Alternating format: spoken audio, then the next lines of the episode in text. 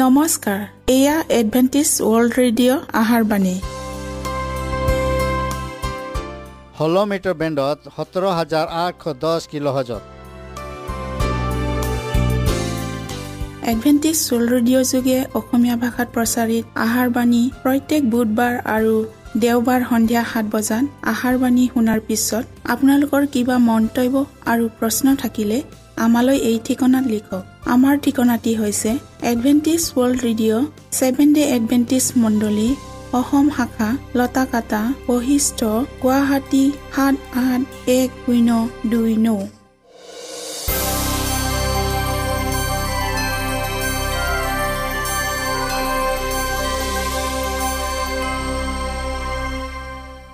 প্ৰিয় শ্ৰোতা বন্ধুসকল এতিয়া শুনো আহক এটি খ্ৰীষ্টীয় ধৰ্মীয় গীত।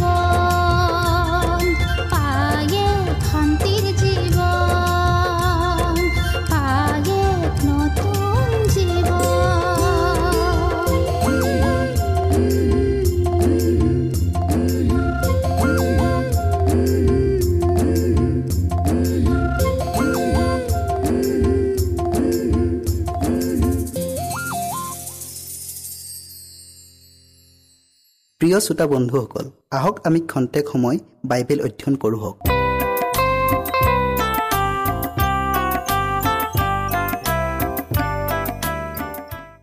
আজিৰ আমাৰ বিষয়টি হ'ল মহাক্লেশৰ সময়ত দুধগণে প্ৰদান কৰা সুৰক্ষা। শাস্ত্ৰ পদ লোৱা হৈছে এষ্ঠেৰ তিনি অধ্যায়ৰ তেৰ পদ। আৰু একেদিনতে অৰ্থাৎ অদৰ নামেৰে দ্বাদশ মাহৰ এয়োদহ দিনা ডেকা বুঢ়া ল'ৰা আৰু তিৰোতাই সৈতে সকলো যিহুদী লোকৰ সংসাৰ বধ আৰু বিনষ্ট কৰা হ'ব। আৰু সিহঁতৰ বস্তু লুট কৰা হ'ব। এই বুলি লিখি পত্ৰখন ডাকৱালাৰ দ্বাৰাই ৰজাৰ সকলো প্ৰদেশলৈ পঠাই দিয়া হ'ল। আমি বিষয়টিৰ আগবঢ়োৱাৰ আগত প্ৰাৰ্থনা কৰোঁ হওক। সেই প্ৰেমময় আৰু আশীৰ্বাদদাতা পিতা তোমাৰ চৰণত আকৌ পঢ়িছোঁ। প্ৰভু এই সুন্দৰ সময় দিয়াৰ বাবে তোমাক ধন্যবাদ দিছোঁ। আজি যি বিশেষ সময়ৰ বাবে আগবঢ়াইছোঁ প্ৰভু এই সময়ত তুমি আমাৰ লগত থাকা আৰু বিশেষ প্ৰয়োজনীয় পবিত্ৰ আত্মা সকলোৰ লগত থাকিবলৈ দিয়া যীশুৰ নামত আমেন। যি আদে অৱশেষত ঈশ্বৰৰ অৱশিষ্ট লোকৰ বিৰুদ্ধে জাৰি কৰা হ'ব।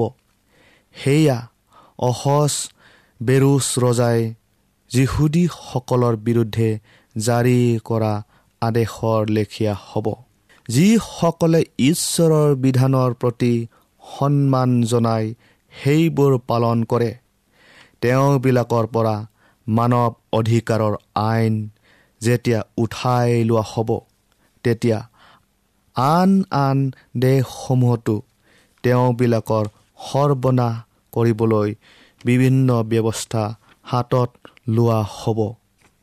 নিৰূপিত হৈ থকা সেই আদেশৰ সময় চমু চাপি অহাৰ লগে লগে মানুহবিলাকে নিজে ঘৃণা কৰা সকলক উচ্ছন্ন কৰিবলৈ তেওঁবিলাকৰ বিৰুদ্ধে জ্বৰ যন্ত্ৰ ৰচনা কৰিব।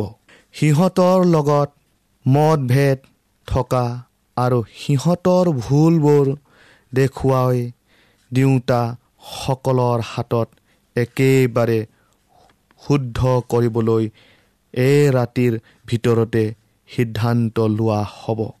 চতুৰ্থ আজ্ঞাটোক সন্মান কৰা জনাই নিজৰ জীৱন হেৰুৱাই ল'ব লাগিব। এই বুলি আদেশ জাৰি কৰা হ'ব। কিন্তু তথাপিও ঈশ্বৰৰ লোকসকলে সেই আদেশক নামানিব আৰু তেওঁবিলাকৰ ঈশ্বৰ জীশুৱাৰ দিনটোক অৱমাননা নকৰিব। ছয়তানৰ চামুণ্ডাসকলে আৰু দুষ্ট লোকবিলাকে তেওঁবিলাকক চাৰিওফালৰ পৰা ঘেৰি ল'ব আৰু তেওঁবিলাকৰ চাৰিওফালে জঁপিয়াই জঁপিয়াই তেওঁবিলাকক উপহাস কৰিব। এতিয়া ক'ত হাৰিবি বুলি কিৰিলি পাৰিব?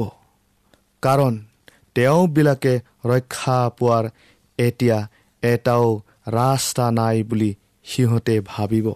এনে মহাক্লেশৰ সময় যেতিয়া উপস্থিত হ'ব তেতিয়া সকলো বিষয়বোৰ ইতিমধ্যে নিষ্পত্তি হ'ব। তেতিয়া অনুগ্ৰহ আৰু নাথাকিব। অনুতাপ শূন্য কঠিন মনৰ মানুহবিলাকৰ নিমিত্তে তেতিয়া আৰু কোনো দয়া কৰোণা নাথাকিব। জীৱনময় ঈশ্বৰৰ চাপ তেওঁৰ লোকবিলাকৰ কপালত থাকিব। নাক অৰ্থাৎ ছয়তান বাহিনীৰ দ্বাৰা পৰিচালিত পৃথিৱীৰ মহাশক্তিৰ মৃত্যুজনক মহাসমৰত নিজকে ৰক্ষা কৰিবলৈ এই অৱশিষ্ট সৰু দলটিয়ে সমৰ্থন হ'ব। কিন্তু তেওঁবিলাকে স্বয়ং ঈশ্বৰকে তেওঁবিলাকৰ ৰক্ষাৰ ঢাল কৰি ল'ব। জগতৰ সৰ্বোচ্চ ক্ষমতাৰ দ্বাৰাই সেই আদেশ জাৰি কৰা হ'ব যে অবৰ্ণনীয় তাৰণা আৰু এনেকি মৃত্যুৰ ভয় দেখুৱাই হ'লেও যেন তেওঁবিলাকক সেই পশুত প্ৰণিপাত কৰিবলৈ বাধ্য কৰোৱা হয়। আৰু তাৰ চাপটোক যেন গ্ৰহণ কৰিবলৈ বাধ্য কৰোৱা হয়। সাধু সন্তসকলে এনে সময়ত বাৰুকৈয়ে মানসিক যন্ত্ৰণা পাইছিল। তেওঁবিলাকে দেখিব যে পৃথিৱীৰ দুষ্ট লোকবিলাকে তেওঁবিলাকক চাৰিওফালৰ ঘেৰি লৈছে। পৃথিৱীৰ প্ৰতিজন ব্যক্তি প্ৰতিটো বস্তুৱে যেন তেওঁবিলাকৰ বিৰুদ্ধে থিয় দিছে। তেওঁবিলাকৰ কিছুমানে এইদৰে ভাবি ভয় খাব ধৰিব যে অৱশেষত ঈশ্বৰেও তেওঁবিলাকক দুষ্ট মানুহৰ হাতত দ্বাৰাই ধ্বংস হ'বলৈ এৰি দিলে। এয়া সঁচাকৈয়ে অতি ভয়ংকৰ সময় হ'ব। সাধু সন্তসকলৰ নিমিত্তে ভীষণ যন্ত্ৰণাৰ সময় হ'ব। ইয়াৰ পৰা উদ্ধাৰ পাবলৈ তেওঁবিলাকে ঈশ্বৰৰ গুৰিত দিনে ৰাতিয়ে কান্দিব লাগিব। বাহিৰৰ ফালৰ পৰা লক্ষ্য কৰিলে তেওঁবিলাকে এনে পৰিস্থিতিৰ পৰা ৰক্ষা পোৱাটো অসম্ভৱ যেন লাগিব। দুষ্টবোৰে তেওঁবিলাকক বিনষ্ট কৰিব পাৰিম বুলি ইতিমধ্যে কিৰিলি পাৰিব। আৰু এইদৰে ৰিঙিয়াই ৰিঙিয়াই ক'ব আমাৰ হাতৰ পৰা ঈশ্বৰে তোমালোকক কিয় উদ্ধাৰ নকৰিলে? এতিয়া নিজে চেষ্টা কৰি কিয় নিজৰ জীৱন ৰক্ষা নকৰা? কিন্তু সাধুসকলে সিহঁতৰ কথাত কাণ নিদিব। যিচয়া ছাব্বিছ অধ্যায়ৰ বিছ পদটো আমি পঢ়ো হওক হে মোৰ প্ৰজা যোৱা তোমাৰ কোটালিত সোমোৱা। আৰু চাৰিওফালে দুৱাৰ বন্ধ কৰা। ক্ৰোধ মাৰ নোযোৱালৈকে খন্তেকমান লুকাই থাকা। সেই অতি ভয়ংকৰ সংকটৰ সময়ত তেওঁ ক'ব হে মোৰ লোকসকল যোৱা তোমাৰ কোটালিত সোমোৱাগৈ আৰু চাৰিওফালে থকা দুৱাৰবোৰ বন্ধ কৰি লোৱাগৈ আৰু ক্ৰোধ মাৰ নোযোৱালৈকে খন্তেকমান সময় লুকাই থাকাগৈ। তেওঁবিলাকক লুকাই থাকিবলৈ কোৱা সেই কোটালিবোৰ প্ৰকৃততে কি বাৰু? এইবোৰ হৈছে কৃষ্ট আৰু পবিত্ৰ দূতসমূহে প্ৰদান কৰা সুৰক্ষা। এই সময়ত ঈশ্বৰৰ লোকবিলাকে সকলোৱে একে ঠাইতে নাথাকিব। তেওঁবিলাকে বিভিন্ন গোটত ভাগ হৈ পৃথিৱীৰ বিভিন্ন প্ৰান্তত থাকিব। এই সাধুসকলে নগৰ আৰু গাঁওবোৰ এৰি দলে দলে হৈ পৃথিৱীৰ অতিশয় নিৰ্জন ঠাইসমূহলৈ ঢাপলি মেলিব। যেতিয়া দুষ্টবিলাকে নগৰ চহৰত থাকিও ভোক আৰু পিয়াসত আঁতোৰ হ'ব তেতিয়া নিৰ্জন ঠাইত থকা এই সাধুসকলক দুধগণে আহাৰ আৰু পানী যোগাব।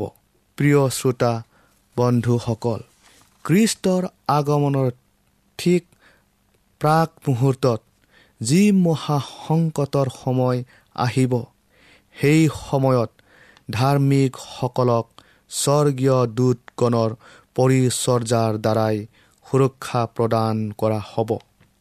কিন্তু ঈশ্বৰৰ বিধান ভংগকাৰীসকলৰ বাবে তেতিয়া কোনো ধৰণৰ নিৰাপত্তা নাথাকিব।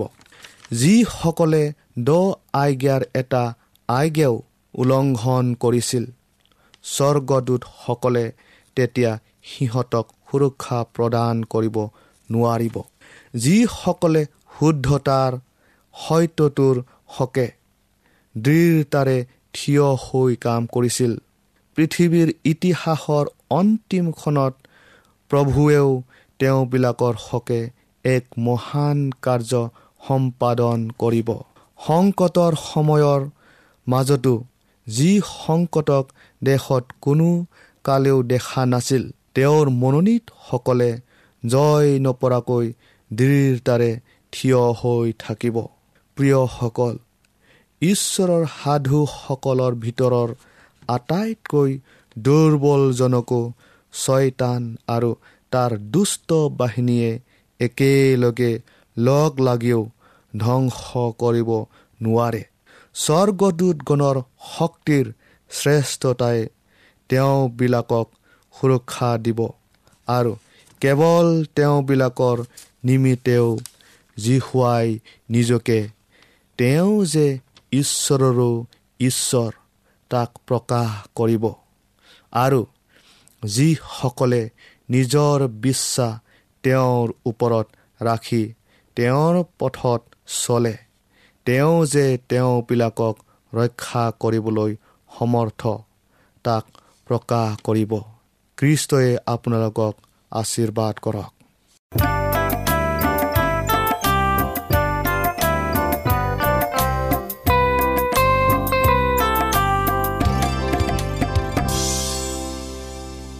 ইমানপৰে আমি বাইবেল অধ্যয়ন কৰিলোঁ। এতিয়া আকৌ শুনো আহক এটি খ্ৰীষ্টীয় ধৰ্মীয় গীত।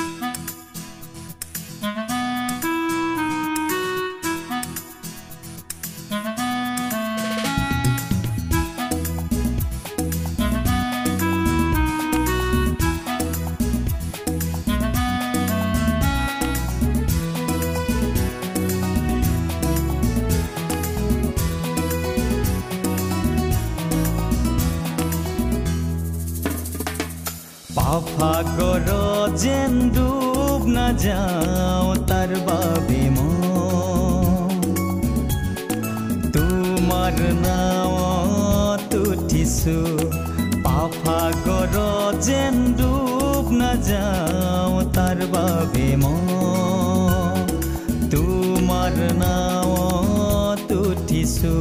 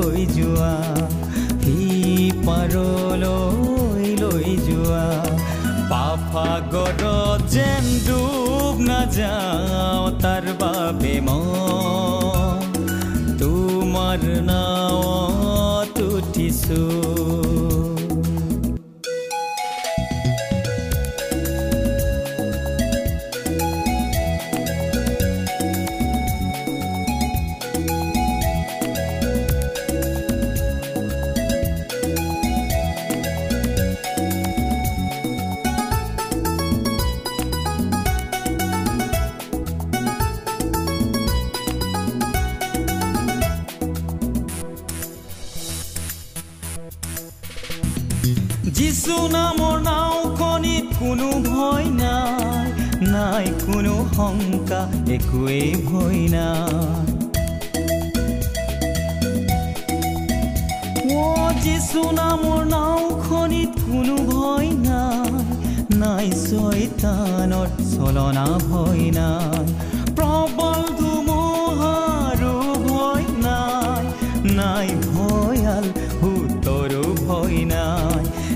যিচু বঠা বাই বাই হে ভাই নিয়ে শান্তিৰে চলা যিচু বঠা বাই বাই হে ভাই নিয়ে শান্তিৰে চলা পাফাগৰ যেন ডুব নাযাওঁ তাৰ বাবে মই তোমাৰ নাৱত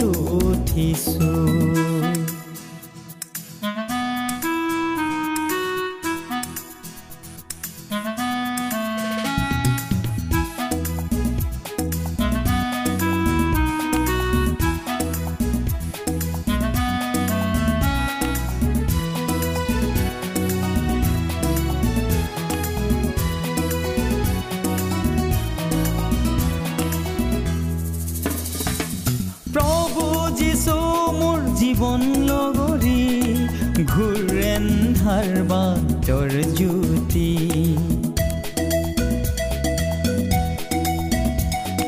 খোজে খোজে যাওঁ যদি মই পিছলি পাওঁ মতি আৰু সুমতি। যিচুৰ বিনে নাই আন উপায় নাই নাপাওঁ আন কতো সহায়। যিচুৱে মোক সদায় শান্তিৰ পাঠ দেখুৱা যিচুৱে চলাই মোক সদায় শান্তিৰ বাট দেখুৱা পাফাগৰত যেন ডুব নাযাওঁ তাৰ বাবে মই তোমাৰ নাৱত উঠিছো পাফাগৰত যেন ডুব নাযাওঁ তাৰ বাবে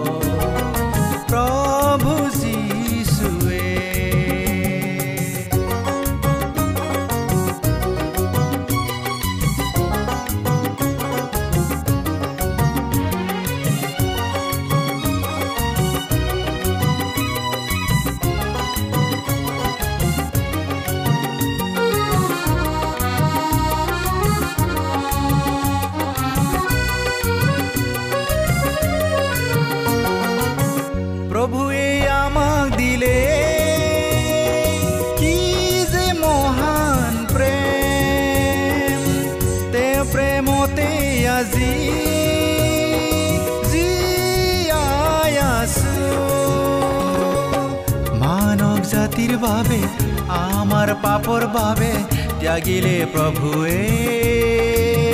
পৰাগৰ সিংহা। মানৱ জাতিৰ বাবে আমাৰ পাপৰ বাবে ত্যাগিলে প্ৰভুৱে। সৰাগৰ সিংহা।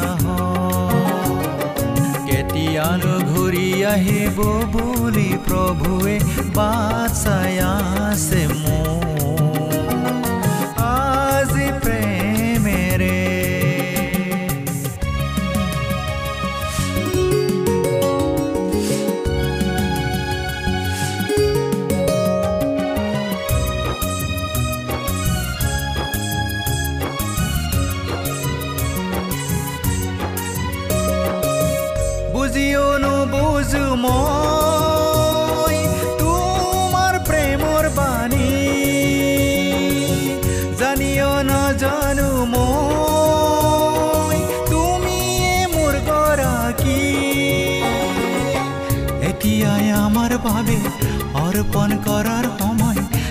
পিছলৈ নাহিব। আমাৰ শান্তিৰ দিন। এতিয়াই আমাৰ বাবে অৰ্পণ কৰাৰ সময় পিছলৈ নাহিব। আমাৰ শান্তিৰ দিন। কেতিয়ানো ঘূৰি আহিব বুলি প্ৰভুৱে বাচাই আছে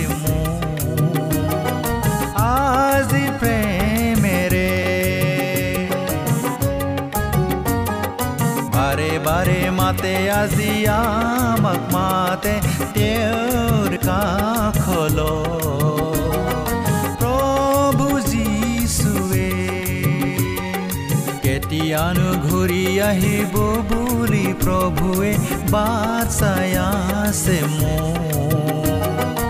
আজি প্ৰেমেৰে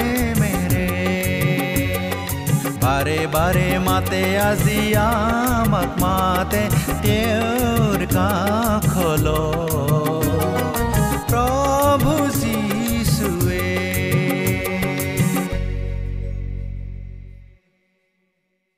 মনত ৰাখিব আমাৰ ঠিকনাটি পুনৰ কৈ দিছোঁ Adventist world radio' Assam region of seven day Adventist voice of hope Latakata Basistha Guwahati seven eight one zero' two nine প্ৰিয় শ্ৰোতা বন্ধুসকল এডভেণ্টিজ ৱৰ্ল্ড ৰেডিঅ' যোগে আহাৰবাণী প্ৰচাৰত আপোনালোকক পুনৰ লগ পোৱাৰ আহাৰে আজিলৈ সামৰিলোঁ। ধন্যবাদ।